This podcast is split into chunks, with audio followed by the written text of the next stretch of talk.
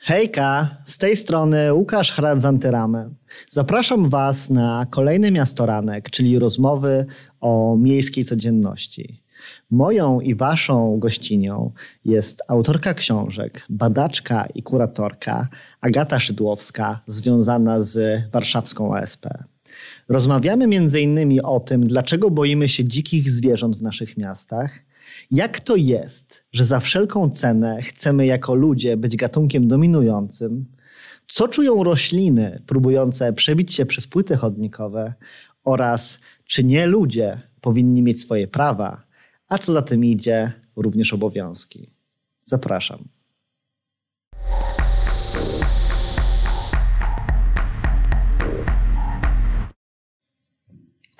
Hej Agato, słyszymy Cześć. się? Cześć. Cześć, słyszymy się, dzień dobry. Super, to ja Cię jeszcze na wstępie troszeczkę szerzej przedstawię niż zrobiłem na samym początku. Agata Szydłowska, autorka książek, badaczka i kuratorka absolwentka historii sztuki, doktorka etnologii. Pracuje na Wydziale Wzornictwa ASP w Warszawie, gdzie zajmuje się obszarem teorii. Interesuje się społecznymi i politycznymi kontekstami designu. Poprzez działania kuratorskie i refleksję humanistyczną bada projektowanie poza antropocentyzmem. Jest współtwórczynią takich projektów jak poświęcony relacji drzew, grzybów i człowieka Mycosystem na Triennale di Milano, czy Zoepolis o wspólnocie ludzko-nieludzkiej. Współtwórczyni audycji Materie w Radiu Kapitał. Kocham materię, tak generalnie rzecz ujmując. Dobrze, myślę, że możemy, możemy zacząć naszą rozmowę i chyba na wstępie, bo to jest dość trudne pytanie konkursowe, wydaje mi się. Chciałbym cię zapytać o to samo. Gdybyś ty, e, Agata Szydłowska była dzikiem w mieście, to co by się musiało wydarzyć, żebyś, żebyś czuła się bezpiecznie? Lochą. Lochą. W mieście. Tak, faktycznie. Dziczką. Dziczką. Myślę, że w ogóle to jest strasznie trudne e, wczuć się w to, e, jak, jak się czują inne gatunki, inne zwierzęta, jak się czują rośliny i możemy to jakoś próbować empatyzować na podstawie tej wiedzy, którą mamy, a mamy taką, że no to nie jest e, jakieś najbardziej komfortowe miejsce dla dziczki, czy lożki, czy dzika ludzkie miasto, no bo tak, dzik się boi, człowiek się boi, jest to jakoś tam potencjalnie konfliktowa sytuacja, no i można się spodziewać, że taka dziczka e, zaplątała się do tego miasta skuszona czymś pewnie, jakimś jedzeniem albo gdzieś zabłądziła. E, no więc pewnie, żeby się poczuła bezpiecznie, potrzebuje wsparcia człowieka, żeby ją z tego miasta wyprowadził, żeby też jakoś nie eskalować tych emocji. Więc tutaj pewnie nie chodzi o to, żeby stworzyć nagle jakiś super komfortowy dom dla tej dziczej rodziny w mieście, bo, no bo to nie jest środowisko komfortowe. Tak jak dla nas pewnie nie jest super komfortowe po prostu mieszkanie w środku lasu, tak dla dzika y, miasto nie jest y, tym miejscem, gdzie się czuje bezpiecznie. Więc, więc potrzebuje fachowej pomocy i jakiejś mediacji między przestraszonymi ludźmi a przestraszoną osobą dziczą.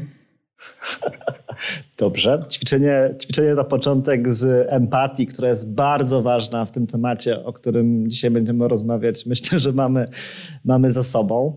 E, myślę, że też na start, i to jest chyba bardzo ważne w kontekście zbudowania tej rozmowy, muszę Cię zapytać, jak Ty rozumiesz tą wspólnotę ludzko-nieludzką, która jest częścią tytułu Twojej, twojej i, i Małgorzaty Górowskiej i Moniki Rosińskiej książki, którą uwielbiam ale ja bym tak mógł mówić przez cały odcinek, że uwielbiam, uwielbiam i byśmy nie zdążyli w ogóle porozmawiać, więc to sobie zostawię jeszcze na koniec mówienie, że ją uwielbiam.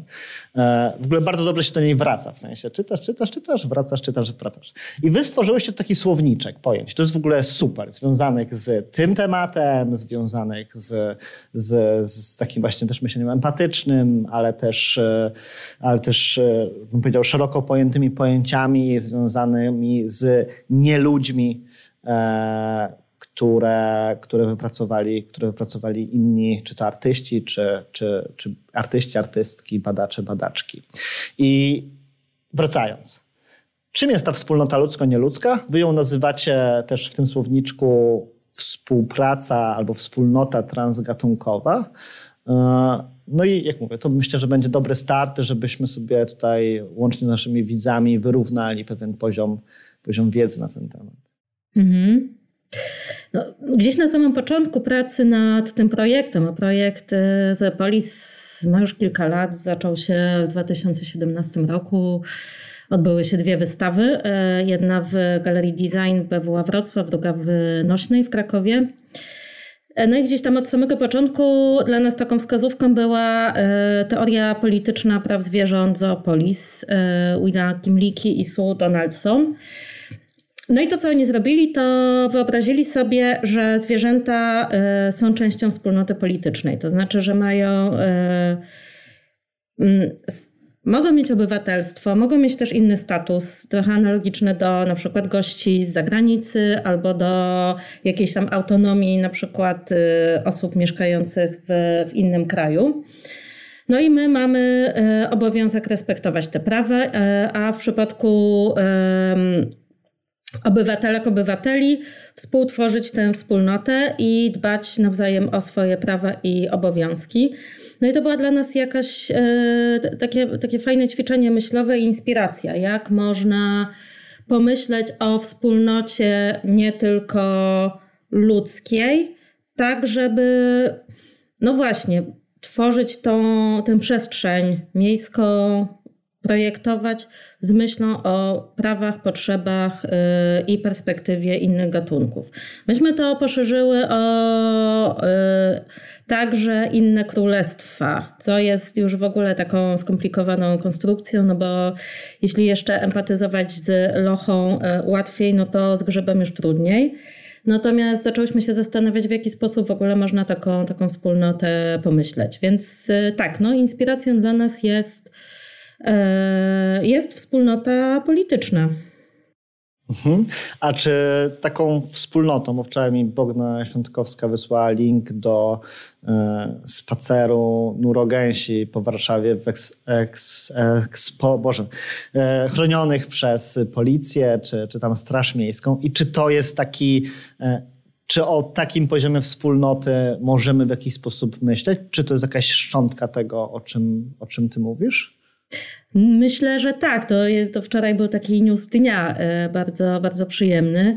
E, I tak, i właśnie fajnie, że mówisz o, o tych nurogęsiach, bo w kontekście oczywiście tego bardzo, bardzo przyjemnego newsa, e, że cały ruch się zatrzymał, tam policja eskortowała ten, ten gęś z gęsiątkami.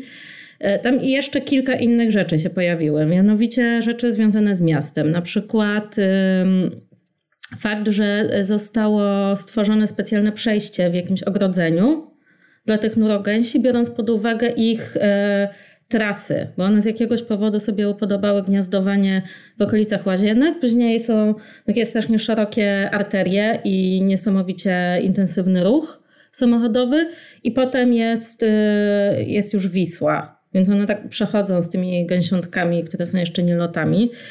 Więc e, e, ornitolodzy, ornitolożki, specjalistki, specjaliści zaczęli się zastanawiać, w jaki sposób im to ułatwić i też to miasto jakoś tam dostosować, aczkolwiek pewnie w idealnym świecie, do którego oczywiście dążymy, mm, nie byłoby tak, że tam po prostu będą szalały te samochody i trzeba e, się wykazywać naprawdę niesamowitą czujnością, e, żeby w odpowiednim momencie ten ruch zatrzymać, bo wierz mi, po prostu ta ulica, która tam jest, jest piekielna. Więc no, jesteśmy gdzieś powiedzmy z nurogęsiami w połowie, w połowie drogi. No okej, okay, to, to dobrze, dobrze to słyszeć, że to jest przynajmniej jakaś droga, że gdzieś tutaj coś, coś się e, dobrego w, w tym temacie dzieje. Wiesz, zanim przejdziemy do codzienności i tej obecnej rzeczywistości, chciałbym, żebyśmy też jeszcze, jeszcze na samym początku tak naprawdę zerknęli trochę do historii. Jak wygląda ta relacja człowiek-natura? Bo wydaje mi się, że większość z nas raczej kojarzy gatunek Homo sapiens jako gatunek taki trochę, który można porównać do hiszpańskich kolonizatorów Ameryki, e, czyli co potrzebne zostawić, co niepotrzebne zniszczyć. Ale czy faktycznie tak było? Czy faktycznie ta natura przez naszą historię jako gatunku była nam tak odległa, jak jest dzisiaj? Jeszcze oczywiście przejdziemy, jak bardzo odległa jest dzisiaj, ale czy, czy to raczej jest historia dominacji? Albo w którym momencie dominacja się zaczęła? Czy raczej, czy raczej współpracy? Hmm, no to jest temat rzeka yy, i myślę, że nie ma jednoznacznej odpowiedzi na to, no bo to też zależy od tego, czy spojrzymy na, nie wiem, historię yy, kultury, czy kultur zachodnich, czy, czy spojrzymy na homo sapiens w ogóle jako gatunek, no bo tutaj mamy też bardzo dużo yy, różnic i my jako kultura zachodnia faktycznie jesteśmy przyzwyczajeni do tworzenia bardzo wyraźnej granicy między człowiekiem a innymi zwierzętami oraz całą resztą y, przyrody.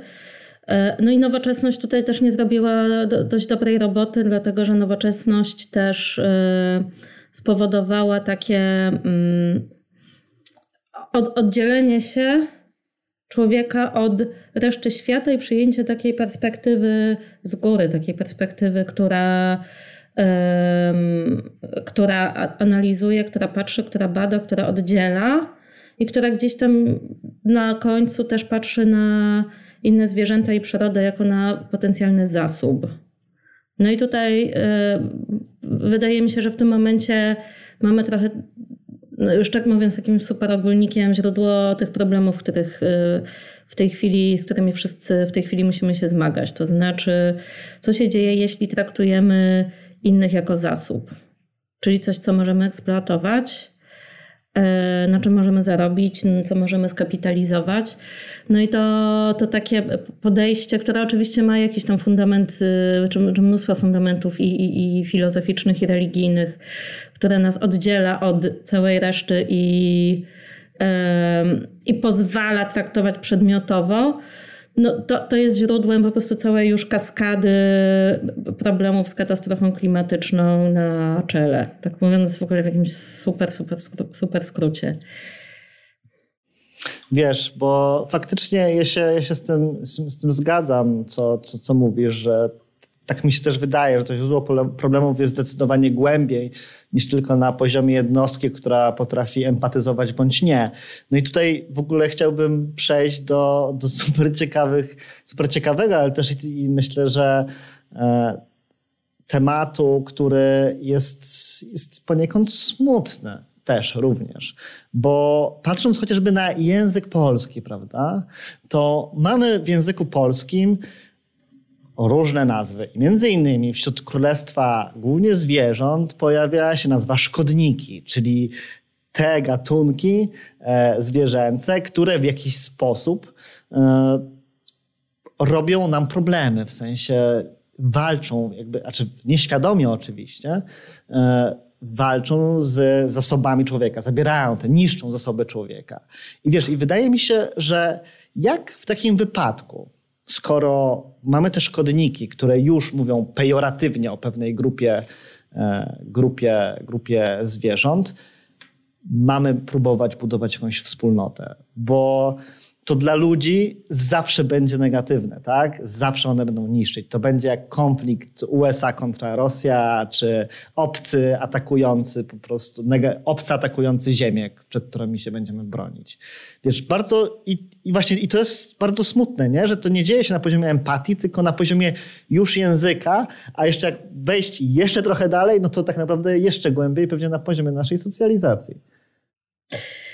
Tak, no zdecydowanie to się dzieje na poziomie języka i na poziomie też takich e, odruchów myślowych. I no jest to coś, co chyba powinniśmy jako, jako ludzie um, zacząć, co, co, no, pod, poddawać refleksji, tak jak poddajemy refleksji różnego rodzaju dyskryminacje wobec innych ludzi. Tak, e, myślę, że tej refleksji powinniśmy zacząć poddawać też gatunkowizm, czyli dyskryminację innych gatunków. I, i, i całkowicie arbitralny podział na gatunki, które są pożyteczne i na szkodniki, na chwasty i na y, rośliny uprawne. No bo jest to podział, który wynika tylko i wyłącznie z takiej perspektywy ludzkich interesów. To znaczy, znowu mamy to podejście do zwierząt i przyrody jako do zasobu. E, no i ten zasób e, ma nam przynosić jakieś korzyści. Czy to w przypadku roślin to mają być plony, czy w przypadku zwierząt, e, innych zwierząt to mają być jakieś korzyści. No jakby tu, tutaj tego można oczywiście mnożyć, czy chodzi o hodowlę na mięso, czy chodzi o cokolwiek innego. No i w, takim, w takim, czy chodzi chociażby o, nie wiem, zaspokajanie jakichś estetycznych potrzeb, czyli, czyli chociażby, nie wiem, parki, ogrody i, i tutaj mamy, pojawiają się chwasty jako te rośliny, które nie są tak estetyczne według człowieka, w związku z tym należy się ich pozbywać. Czyli okazuje się, że mm, jakiś, jakaś roślina do człowieka jest tą rośliną, która spełnia wymogi estetyczne i ona ma zostać i ona jest sadzona, natomiast obok wyrasta jakaś, która nie jest estetyczna, w związku z tym jest usuwana. Więc tutaj tych powodów e, tego gatunkowizmu jest, e, jest strasznie dużo. I, e, no i myślę, że tutaj jest bardzo duża taka praca na e, opowieści na języku, którą, którą należy wykonać, żeby po prostu zwrócić uwagę na to, że to są po prostu uprzedzenia i, i są to jakieś arbitralne całkowicie podziały. No i wiesz, Idąc dalej tym tropem, jeszcze wciąż językowym, ale skupiając się na trochę innej grupie zwierząt, o której zresztą mówiliśmy na początku, czyli chociażby na dzikach, tak? Czyli grupa dzikie zwierzęta, znowu język polski. Dzikie zwierzęta, czyli to są te zwierzęta, które mają żyć w dziczy. A tymczasem jest całkiem spora grupa zwierząt, roślin, grzybów, mikroorganizmów, które żyją w, w naszych miastach. I jak e, mówiliśmy o szkodnikach, z którymi walczymy, raczej z nimi walczymy. E, tak, tak jak cała powiedziałaś, empatyzując z lochą dziczką na, na samym początku, tutaj dominuje strach i to jest strach dwustronny. I czy my tak naprawdę potrzebujemy tych, e, tych dzikich zwierząt w naszych miastach, czy powinniśmy wyraźnie to, to terytorium e, rozdzielać? No bo z drugiej strony, w jakiś sposób, oczywiście, wiadomo, jest to, jest to tak jak mówiłaś, to ta wspólnota ludzko-nieludzka jest pewnym eksperymentem myślowym, ale zwraca uwagę na bardzo dużo, bardzo istotnych kwestii. I w jaki sposób tą wspólnotę chcielibyśmy budować? Jak się do tego ustosunkować w ogóle? Mhm. No tutaj e, to jest ciut bardziej skomplikowane, to znaczy ten podział na dzikie i udomowione zwierzęta. I ja tutaj znowu wrócę do Zoopolis Julia Kimliki i Sue Donaldson, którzy wprowadzają taki podział na trzy kategorie. Czyli mamy zwierzęta udomowione i tu, tych zwierząt udomowionych jest mnóstwo, to znaczy tutaj nie chodzi tylko o psy, koty, które trzymamy w domach jako nasze towarzyszki i towarzysze, tylko w ogóle zwierzęta hodowlane. Z, po drugiej stronie mamy tak zwanych suwerenów, czyli to są te zwierzęta dzikie. I jeszcze jest cała trzecia duża grupa um, zwierząt, które nie są domowione, to znaczy one nie są od nas zależne, natomiast one żyją obok nas w miastach. No i tutaj mamy całe mnóstwo E, ptaków, e, ssaków, mnóstwo zwierząt, które żyją obok nas. Bardzo często właśnie one są postrzegane jako szkodniki, zupełnie nie wiedzieć czemu, dlaczego ludzie tępią, nie wiem, gołębie. Ale często to jest też tak, że to sąsiedztwo jest oczywiście kłopotliwe. I to nie jest tak, że my, my tutaj z z osobami ludzkimi, z którymi pracowałyśmy przez Opolis. E, no, mamy, jesteśmy jakimiś takimi super naiwnymi idealistkami, które po prostu tworzą taki świat jak z Disneya, że wszyscy sobie po prostu pląsają w jakiejś cudownej harmonii, no bo wiemy, że jakby tej harmonii do końca nigdy nie będzie i to, i, i to sąsiedztwo ono często będzie kłopotliwe. Sąsiedztwo człowieka ze szczurem może być kłopotliwe, sąsiedztwo człowieka z kleszczem może być kłopotliwe. E, w związku z tym, oczywiście, to cały czas wymaga jakiegoś, e, jakiegoś zastanawiania się i pracy nad tym, w jaki sposób ustawić te relacje, żyjąc obok, no bo w miastach tak czy siak żyjemy obok. No i, i, i miasta nie składają się tylko z y, tych gatunków, o których bardzo często myślimy, że właśnie są takimi gatunkami miejskimi, ale z całego mnóstwa niesamowitej różnorodności, o, jeśli chodzi o rośliny, y, które rośliny ruderalne, które po prostu same się rozsiewają. To, to niekoniecznie są przecież te sadzone na rabatkach tulipany. E, jeśli chodzi o owady, jeśli chodzi w ogóle o całe mnóstwo innych bezkręgowców, po prostu miasta są niesamowicie bogate, e, jeśli chodzi o bioróżnorodność. E, często być może nawet bardziej bogate niż jakieś monokultury poza miastem. Natomiast oczywiście to, no, to sąsiedztwo ono musi być negocjowane biorąc pod uwagę interesy wszystkich aktorów, którzy, którzy biorą udział w tej wspólnocie. Mm, do tego przejdziemy jeszcze, jak, jak, można by, jak można by negocjować, jakie są rozwiązania tych, tych e, problemów, o które, o które mówimy. Natomiast wspomniałaś też e, o roślinach i też o innych organizmach. I też wspomniałaś o tym, że zdecydowanie prościej nam jest e, empatyzować z chociażby tym dzikiem albo innym zwierzęciem, tak naprawdę, niż, niż z innymi gatunkami. I wiesz, ja, mnie, to, mnie to strasznie przeraża i to wciąż mnie przeraża i to słyszę przed oczami i przed, i przed usza, słyszę przed uszami, widzę przed oczami, e, jak e, wiesz, powstaje jakaś nowa inwestycja i człowiek mówi, o tego gatunku jest dużo, to nie ma co się przejmować, bo dlaczego się tym przejmować, skoro on przetrwa, więc tutaj śmiało rozwalajmy, niszczmy e, i, i, i w ogóle po co. No i zastanawia mnie, gdybyśmy teraz spróbowali trochę przyskoczyć e, do właśnie tego królestwa roślin, jak, jak one odczuwają miasto? Jak one, oprócz tego, że odczuwają, że, strasznie beton, że są strasznie betonowe? Bo wydaje mi się, że tutaj też jest clue. Mm, zwierzęta, jak powiedziałem, zwierzęta to zwierzęta, ale inne królestwa to zdecydowanie trudniejszy temat, żebyśmy spróbowali empatyzować z nimi. Mhm.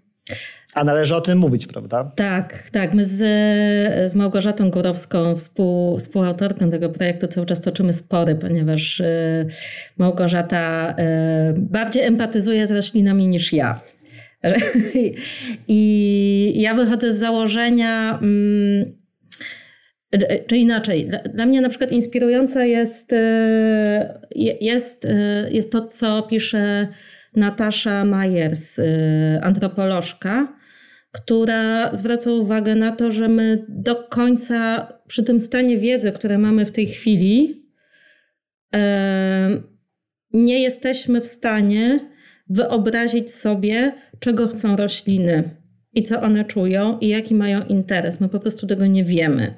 Natomiast y, też no, to, to wokół czego się to toczy tutaj nasz e, przyjacielski spór, e, też opiera się na tym, że w jakimś sensie oczywiście jesteśmy w stanie poznać e, to, w jaki sposób rośliny funkcjonują w świecie. To znaczy, że mają coś, co jest odpowiednikiem naszych zmysłów. W związku z tym można się spodziewać, i to jest argumentacja Małgorzaty, że na przykład im dla nich jest krzywdzące na przykład pozbawianie ich dostępu do światła czy do wody.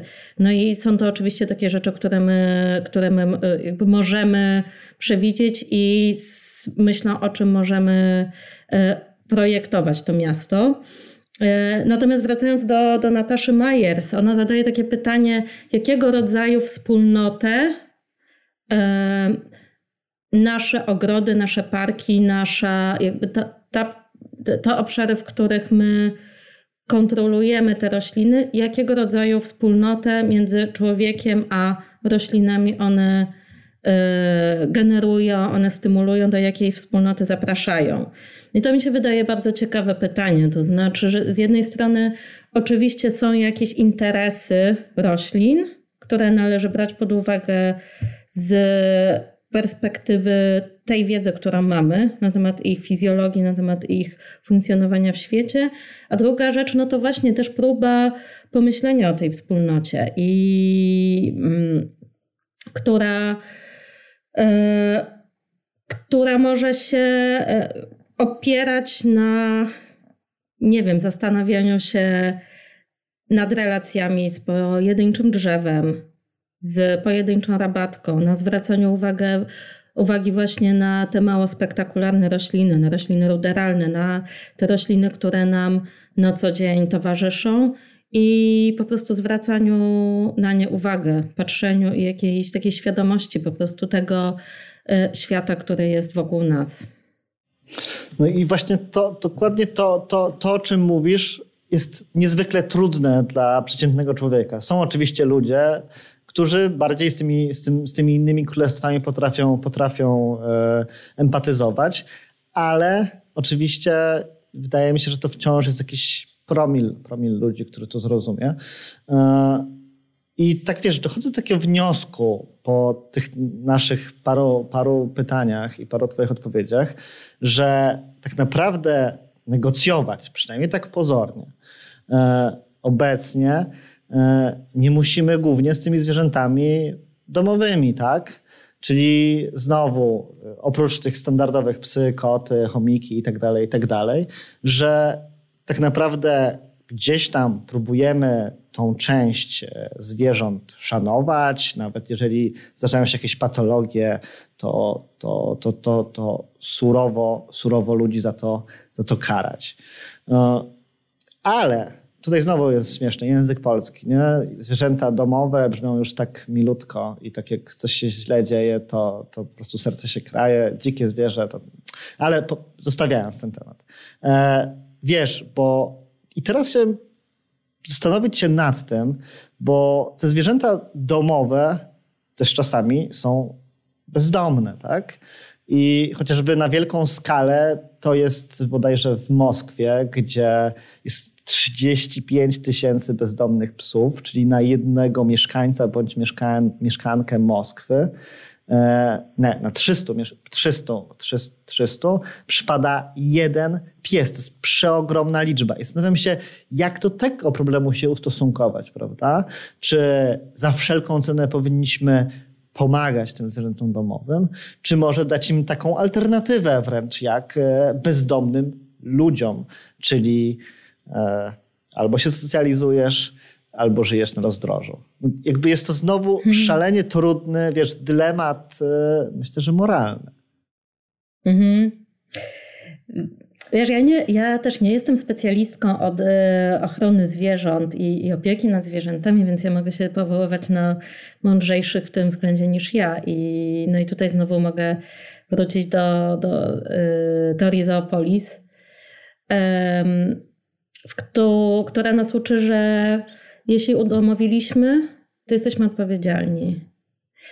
Y, a psy są zwierzętami są, to jest gatunek stowarzyszony. To jest gatunek, który, jak pisze Donna Haraway, psy koewoluowały z człowiekiem, czy człowiek koewoluował z psem. To znaczy nie, współczesne psy są gatunkiem, który, um,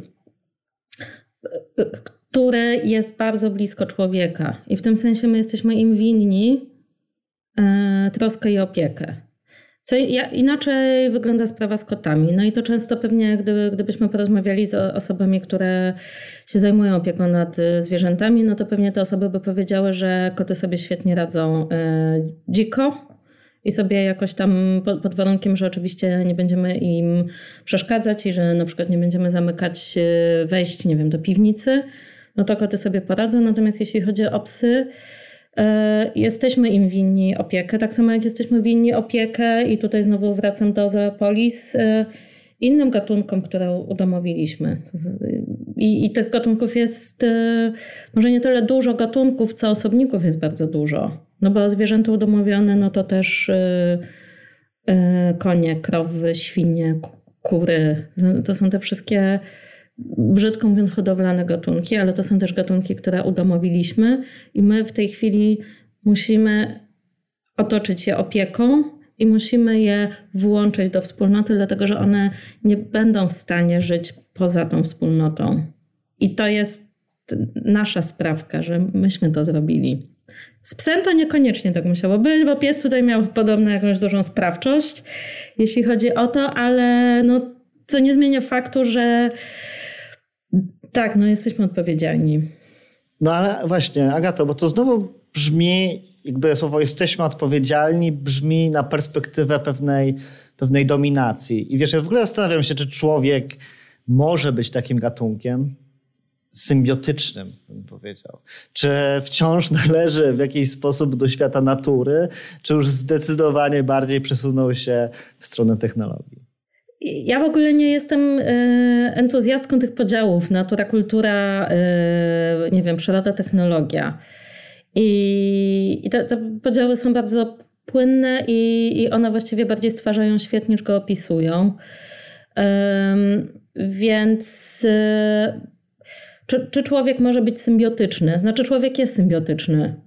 Yy, tylko, że my jakoś nie lubimy tak myśleć o tym, że jesteśmy yy, związani z innymi gatunkami. Znowu wracam do tego pojęcia tych gatunków stowarzyszonych.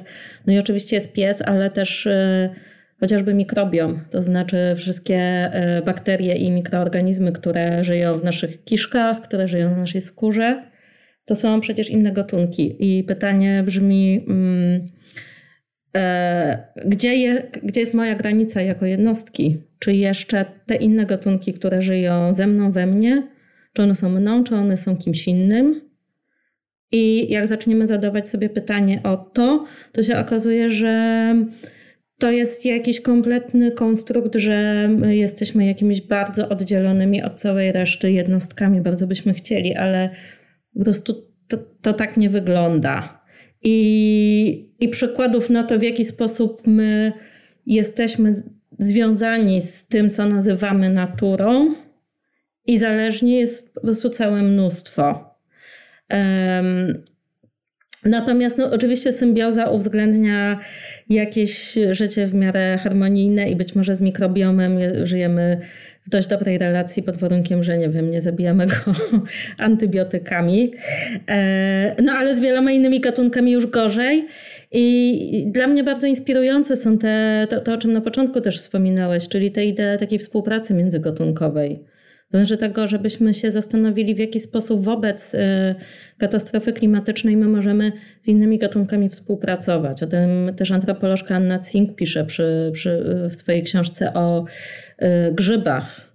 O tym, że wobec sytuacji, kiedy świat popada w ruinę, to co nam pozostaje, to zwrócenie się w kierunku innych gatunków i współpraca z nimi a niekoniecznie e, dominacja, wyzysk czy nie wiem, traktowanie jako zasoby. No to właśnie, wiesz, no już powiedzieliśmy tyle, to czas zadać pytanie, jak w takim wypadku, jak jako mieszkańcy miast moglibyśmy współpracować z różnymi królestwami? E, w jakim sensie, jak tą wspólnotę tak naprawdę zacząć budować? No myślę, że od bardzo wielu, od, od, bardzo wielu stron, to znaczy trochę i w mikro i w makro skali i na poziomie polityki, bo bez tego się nie da. Y, i na poziomie y, jakichś codziennych praktyk i takiego codziennego uwrażliwiania, czyli z jednej strony na poziomie chociażby troski o drzewo, które rośnie pod moim domem i mu grozi wycinka, ale też na poziomie presji, którą powinnyśmy, powinniśmy jako obywatelki, obywatele stwarzać na polityczkach, politykach, żeby e, organizowali tę rzeczywistość dużo bardziej sprawiedliwą.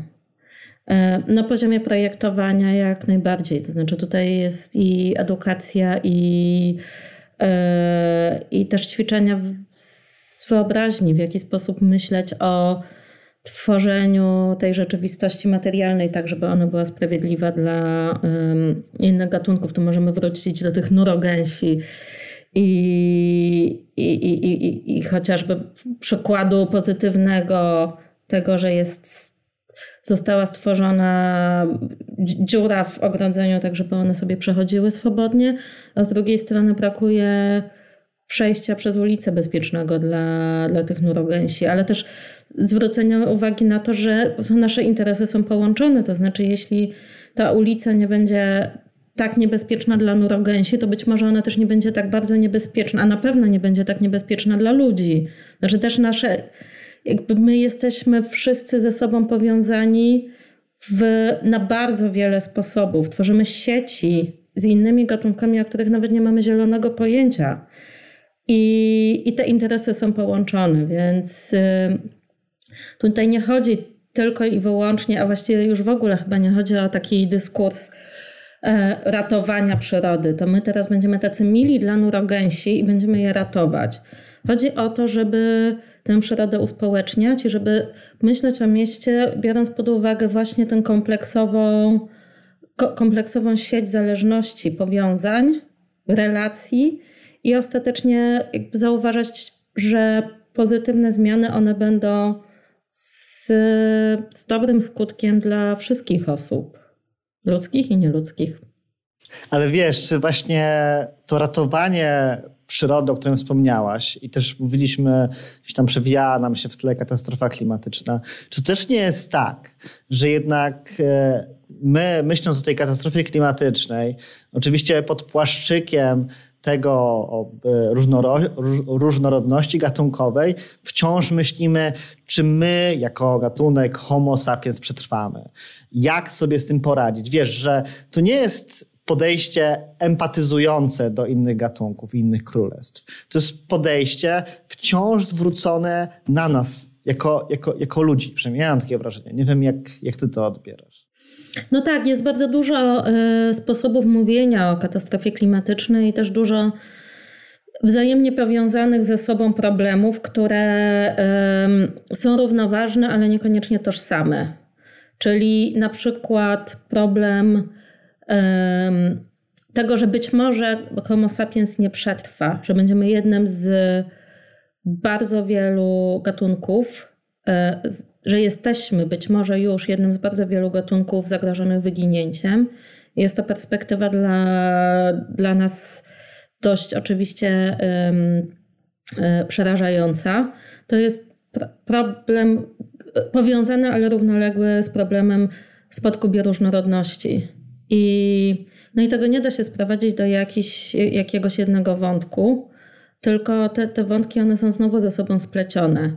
E, problem, nie wiem, zakwaszenia oceanów to jest problem, którym, e, który jest tak bardzo kompleksowy i na tak bardzo wiele rzeczy wpływa, że też nie da się tego jakby opowiedzieć jakąś jedną narracją. I, no i oczywiście no, tych narracji. Mm, no można też powiedzieć, że ka każdy ma jakąś taką narrację, która, mu, która z nim bardziej rezonuje. Ja myślę, że jeśli ktoś e, e, chce i czuje, żeby opowiadać katastrofę klimatyczną przez pryzmat tego, że człowiek być może wyginie, no jest to równie prawomocna narracja, jak mówienie o, o spadku bioróżnorodności i, i mówienie o tym, jak na przykład katastrofa klimatyczna wpływa na na inne gatunki i na po prostu masowe. Ale właśnie myślę, że ta katastrofa klimatyczna, Agato, pomoże nam w zrozumieniu innych gatunków, że to jest taki e, trochę szczęście w nieszczęściu, że jednak zaczniemy je bardziej dostrzegać dzięki temu? Ja nie wiem. Myślę, że w jakimś sensie tak. To znaczy, jest to jakaś tak jak ja obserwuję od, od kilku lat coraz y, częściej, jak my w ogóle zaczynałyśmy ten projekt y, Zoopolis y, w 2017 roku, no to wtedy to był taki moment, że ludzie nie za bardzo wiedzieli o co chodzi i dlaczego my w ogóle myślimy o projektowaniu dla roślin i zwierząt, bo wówczas był taki podtytuł design dla roślin i zwierząt i ludzie sobie wyobrażali, że to będzie o w najlepszym wypadku o budkach lęgowych, a w najgorszym wypadku o jakichś sweterkach dla piesków albo zabawkach dla piesków. Generalnie asortyment sklepów zoologicznych. No i wówczas to było jakąś kompletną abstrakcją, dlaczego w ogóle zajmować się projektowaniem z perspektywy innych gatunków. E, minęło kilka lat i jesteśmy w tym momencie, kiedy właściwie to już w ogóle nie jest e, rzecz, którą ktokolwiek kwestionuje. I to trafia do mainstreamu i, i mi się wydaje, że to, że w międzyczasie e, naprawdę zaczęło się bardzo dużo mówić o o, o, katastrofie klimatycznej, to powoduje, że zaczynamy jako społeczeństwo, społeczeństwa coraz bardziej widzieć siebie właśnie w, tym, w tej sieci zależności z innymi gatunkami. I to powoduje. Ale to, że. Mhm. Mhm. Przepraszam, kontynuuj. Nie, i to powoduje też wzrost y, świadomości i empatii. Tak, kropka. Mhm. Ale czy to prowadzi nas do, prowadzi nas do tego, Agato, że powinniśmy, czy inne gatunki, inne królestwa, nie ludzie, no może tak nazwijmy to, to jest, mhm. to jest bardzo, bardzo ładna nazwa, e, powinni mieć swoje prawa i, i, powinny być one jakoś spisane, w jaki sposób. E, no i jak prawa, to pewnie też jakieś obowiązki. Z drugiej strony myślę, że za bardzo te, ci nieludzie nie mają szansy wyegzekwować sobie tych praw, prawda? No bo nie wyjdą mhm. na ulicę protestować. No, to się nie wydarzy, dobrze o tym wiemy. Tak, o, o, prawie w, tutaj w naszej książce w Zepolis pisze e, mecenas Karolina Kuszlewicz, która jest e, adwokatką zwierząt i przyrody. I ona pisze w swoim tekście o um, przede wszystkim języku, o zmianie, zmianie języka i o tym, że zmianę prawa można zacząć od zmiany. To jest trochę to, o czym już e, rozmawialiśmy wcześniej. Zmiany po prostu słownictwa, którym się posługujemy, żeby nie mówić, że pies zdechł, tylko że umarł chociażby, chociażby to. Ja, ponieważ Karolina jest y, osobą, która spędza po prostu, no jest działającą, jest praktyczką i spędza swój czas na salach y, sądowych, więc dużo, jest dużo bardziej pragmatyczna. Ja, ponieważ y, nie zajmuję się prawem, więc mogę sobie pozwolić na fantazjowanie. I dla mnie, e, ja, ja bym to, to widziała, tę zmianę na poziomie konstytucji na poziomie faktycznie uwzględnienia praw y, innych gatunków w, y, na poziomie dokumentów państwowych. I to wbrew pozorom nie jest y, jakaś rzecz nie do zrobienia, bo mówisz o tym, że rośliny, zwierzęta, inne gatunki nie wyjdą na ulicę, no ale tak samo na przykład małe dzieci nie wychodzą na ulicę. Znaczy niemowlaki nie wychodzą na ulicę, żeby się żeby y, domagać się swoich praw, tylko mają swoich reprezentantów i reprezentantki. Ponownie, podobnie y, w przypadku innych gatunków. Musimy stworzyć taki system, który będzie opierał się o takie osoby, chociażby właśnie jak Karolina Kuszlewicz, która reprezentuje prawa innych gatunków i za pomocą tego systemu przedstawicielek, przedstawicieli wywierać presję i forsować odpowiednie przepisy. I są kraje, w których, e, w których e, zwierzęta i przyroda mają zapisane chociażby w konstytucji prawa. Takim krajem jest Ekwador. Oczywiście gdzieś tam ta konstytucja sobie, a praktyka sobie, ponieważ jednak w Ekwadorze to nie, nie do końca wszystko tak wygląda dobrze, jakbyśmy chcieli, bo jednak eksploatacja złóż ropy naftowej y, pod Puszczą Amazońską to jest realny problem, który, który tam się dzieje. Natomiast y, myślę, że jest bardzo inspirujące to, że w konstytucji są zapisane, że przyroda jest zapisana jako podmiot prawa. I do czegoś takiego powinniśmy dążyć. I tak jak, nie wiem, 100-150 lat temu wydawało się pewnie ludziom abstrakcją, żeby kobiety miały prawa. Takie same jak mężczyźni, żeby, nie wiem, w Stanach Zjednoczonych, żeby osoby czarne miały takie same prawa jak osoby białe i to wszystko było abstrakcją. No teraz nam się wydaje abstrakcją, żeby przyroda miała prawa, ale jak najbardziej może mieć. To jest moim zdaniem totalnie do zrobienia. Tylko trzeba wywierać presję. No dobrze, no i właśnie to jest bardzo ważne, że, że o tym powiedziałaś, bo tu się pojawia w takim wypadku, kto powinien być za to odpowiedzialny, bo to zawsze jest tak, że jest mnóstwo różnych problemów, a ten problem jest naprawdę, z mojej perspektywy, super istotny. E, I nikt, i bardzo często nie potrafimy znaleźć w sobie bądź w innych pewnej odpowiedzialności. I na kim to powinno wisieć? Kto powinien to zacząć i to kontynuować, wiesz, jako taką misję? Czy to powinny być organizacje pozarządowe, czy może to po prostu powinno wyjść, tak jak mówimy o zmianie prawa, no to wiadomo, że politycznie, ale gdzie szukać tej odpowiedzialności w tym wszystkim? No ja niestety, ale yy, wierzę, niestety.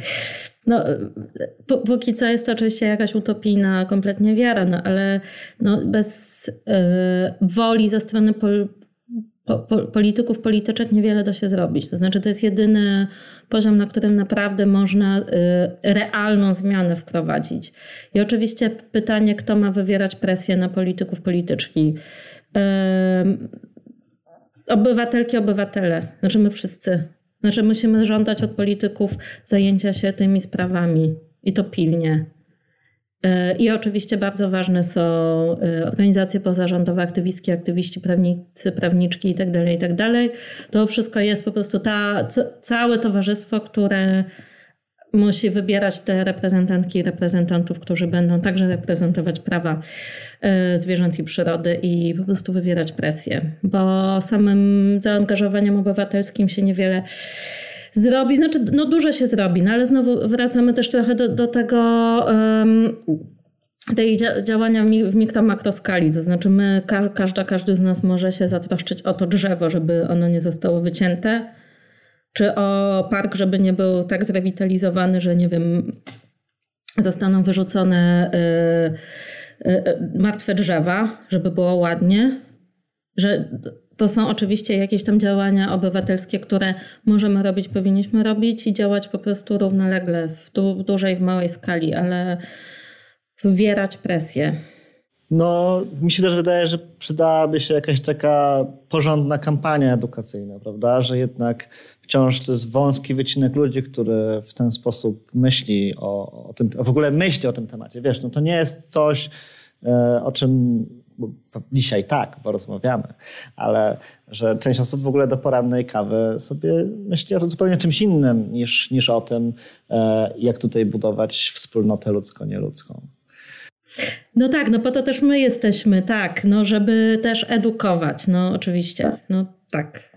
No my to robimy, takie, takie inicjatywy nie tylko po to, żeby e, sobie pospekulować, ale faktycznie chodzi o jakąś realną zmianę, więc edukacja tak, jak najbardziej. Tak, i to mnie bardzo cieszy właśnie. To jest, to jest e, znowu uwielbiam, uwielbiam, uwielbiam, ale zostawmy to. Eee, Agato, no bo z jednej strony faktycznie jest ten nurt edukacyjny, lobbyingowy, polityczny i NGO-sowy, a z drugiej strony są projektanci, projektantki, architekci, architektki. I w tą grupę tak naprawdę też możemy włożyć pewne, e, pewne schematy działań, pewną wrażliwość, pewną empatię, że po prostu oni w ten sposób zaczną projektować. I zastanawia mnie, czy ty masz dla nich jakieś przesłania, jakieś wytyczne, które, które mogliby, mogliby uwzględnić, wiesz, w swojej pracy, czy to będąc jeszcze studentami, studentkami, czy już prowadząc własne pracownie, studia i tak dalej, i tak dalej. Mm. No tak, no na tym tutaj widzę, że jestem podpisana, że pracuję na Wydziale Wzornictwa, więc na tym polega moja praca. E, tak, tak, tak, tak. E, wiesz, generalnie to jest dosyć proste, to znaczy e, gdzieś tam w, drugiej połowie XX wieku zaczął, e, czy właściwie nawet może później, na przełomie wieków, zaczął się cieszyć super e, dużą popularnością takie hasło projektowanie zorientowane na człowieka, human-centered design. No i po prostu to trzeba trochę przemyśleć i, i brać pod uwagę to, że ten człowiek już nie jest w centrum. To znaczy, przy każdym projekcie, przy każdej realizacji wykonywać tę pracę e, myślową e, i zadawać pytania o, o, o, o to otoczenie. To znaczy, też wiadomo, że. Mm, e, to nie jest tak, że mm, my w tej chwili tak przesterujemy projektowanie czy architekturę, że ona będzie w ogóle zupełnie nie dla ludzi. No bo yy, wciąż ten człowiek dysponuje kapitałem, pieniędzmi, jest inwestorem i tak dalej, ale chodzi o uwzględnienie praw i perspektyw innych gatunków przy działaniach, które my robimy. E, no i też po, o myślenie o tym, że mm, jakby projektowanie, bo to była jakaś taka rzecz, która na, na początku tego projektu często budziła kontrowersje, ale jak to, bo przecież ten, nie wiem, pies, kot czy dzik nie pójdzie do sklepu i nie kupi. No ale projektowanie nie polega tylko i wyłącznie na tym, że się tworzy y, przedmioty konsumpcyjne, które się kupuje. Tylko jest dużo szerszą dziedziną i, i przy projektowaniu każdego elementu po prostu należy brać pod uwagę y, te różne perspektywy, tak jak bierzemy pod uwagę perspektywę, powinniśmy przynajmniej brać pod uwagę perspektywę osób z niepełnosprawnościami, dzieci, osób starszych i tak dalej. I tak, więc także tutaj dołączyć do tego katalogu osoby nieludzkie.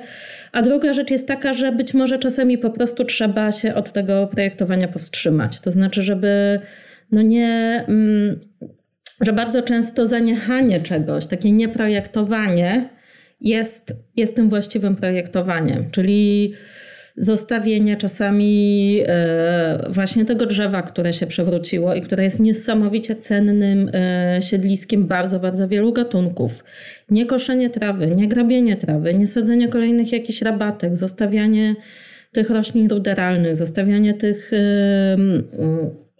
tak zwanych nieużytków, to kolejne e, brzydkie słowo, nieużytek E, zostawianie tego, tego w świętym spokoju. I więc taka, takie balansowanie jest po prostu z bardzo dużą wrażliwością między tym, gdzie warto jakoś tę inicjatywę projektową przeprowadzić, a gdzie to zostawić. I też myślenie o projektowaniu, że ono czasami jest właśnie tym wycofywaniem się, że to wszystko jest projektowanie nie tylko tworzenia jakiegoś super błyszczącego bytu, który, który gdzieś zostanie wstawiony. No z projektowego punktu widzenia robi to na pewno centrala, tak. prawda? Myśli o tym w ten sposób i o tym bardzo, bardzo głośno. Zresztą sami mówi, Gosia i Simona o tym mówili podczas e, jednej z rozmowy miastorankowej. Ale z drugiej strony zastanawiam się też, wiesz, no bo to tak naprawdę znaczy, że powinniśmy znowu wrócić do edukacji i na, na uczelniach e, wyższych powołać do tego przedmioty. W stylu, nie wiem, Ewa Czcionka prowadzi ekoetykę w projektowaniu, prawda? I to chyba powinien być ten klucz znowu dla branży projektowej, żeby, żeby coś się w tym zmieniło. No i tutaj się pojawia, wiesz, kolejna czerwona lampka w głowie.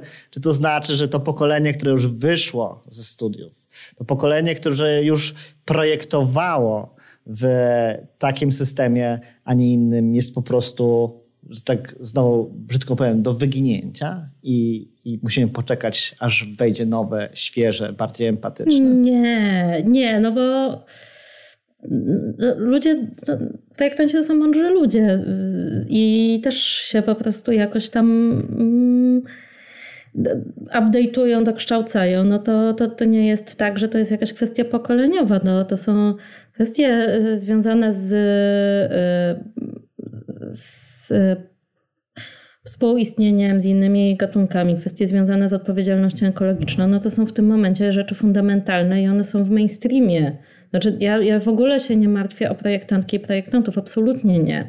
Ja się martwię o y, inwestorów, ja się martwię o o miasto, o to, jak miasta są zarządzane. To, to, są, to, to, to są te obszary, gdzie trzeba włożyć tę pracę edukacyjną.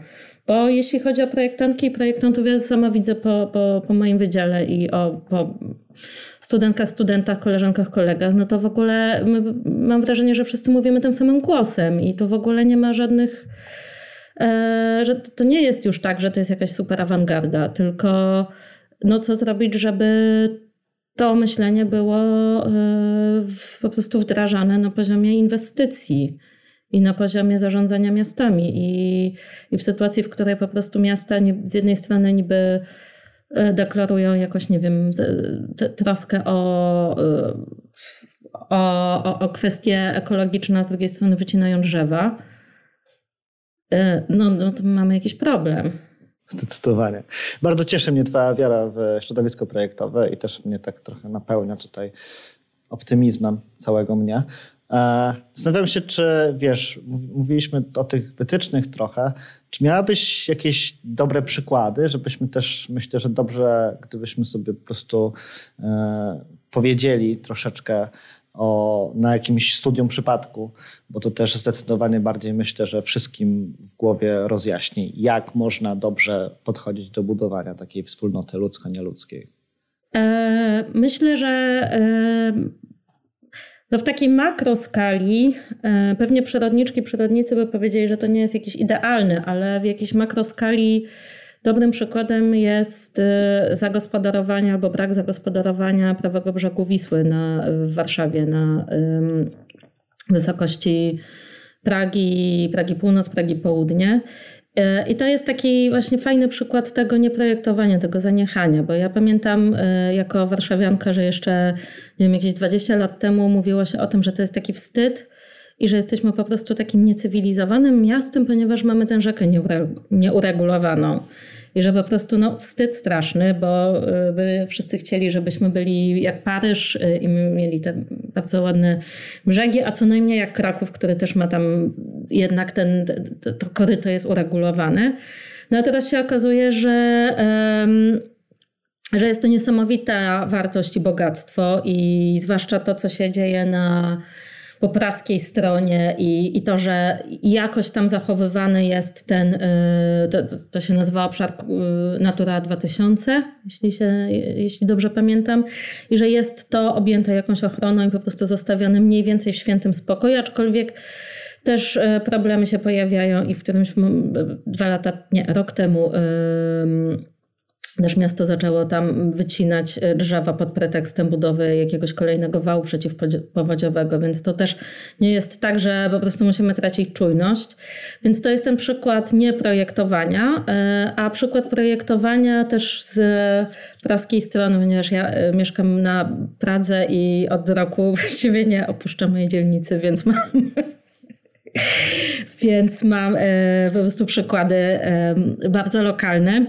To jest e, taka wieża dla jeżyków, która została z budżetu partycypacyjnego wybudowana kilka lat temu na błoniach kamionkowskich. I to jest obiekt, który jakby sam w sobie może nie jest zbyt ładny i może można byłoby go jakoś lepiej zaprojektować tak estetycznie. Natomiast on został pomyślany tak, żeby mm, E, żeby tam faktycznie te jeżyki miały e, dosyć dobre warunki bytowania, a z jeżykami jest taki problem, że one lubią się osiedlać, lubią gniazdować tam, gdzie już są inne jeżyki, więc tam też zostało to przemyślane tak, żeby ta wieża emitowała dźwięki, które imitują odgłosy jeżyków, żeby te nowe pokolenia tam się osiedliły. No i, i to jest też e, no, taki dobry przykład takiej współegzystencji, no bo jeżyki są dla człowieka dobrym sąsiedztwem, ponieważ żywią się komorami między innymi. E, więc no, to, to jest też taki do, dobry przykład zwracania uwagi na te różne połączenia. No i oczywiście, no jeśli chodzi o jeżyki, no to, to dobrze zwracać uwagę na to, żeby no one się gnieżdżą w mm, fasadach budynków, żeby po prostu ich tam nie zostawiać im te miejsca, gdzie one mogą gniazdować. Więc y, takie dwa, jeden mniejszy, drugi większy e, przykłady, które mi przychodzą do głowy. No właśnie, no i też, też powiedziałaś o tym, zresztą to są bardzo inspirujące przykłady, że, że wciąż nie możemy tracić czujności, tak? Że to są pewne, pewne, pewne wycinki w naszych miastach. I na sam koniec chciałem cię zapytać o to, jak dla ciebie, Agaty Szydłowskiej, wyglądałoby takie idealne miasto, we wspólnocie ludzi z nieludźmi, czym by się cechowało. Wiadomo, że to pewnie będzie super utopijna wizja, ale myślę, że jakże cenna dla nas, żebyśmy robili więcej tego typu eksperymentów myślowych. Ostatnio się nad tym zastanawiałam przy okazji dyskusji o pa parkach warszawskich, w której brałam udział. I przyszło mi do głowy, że mm, to, co byłoby chyba cie ciekawą drogą, to jest pomyślenie o takiej logice parku, która by uwzględniała całe miasto, ale nie takiego parku, że chodzą tam, nie wiem, pawie i są po prostu jakieś piękne krzaki, róż i w ogóle inne krzewy tak e, jakoś poprzycinane, żeby miały regularne formy.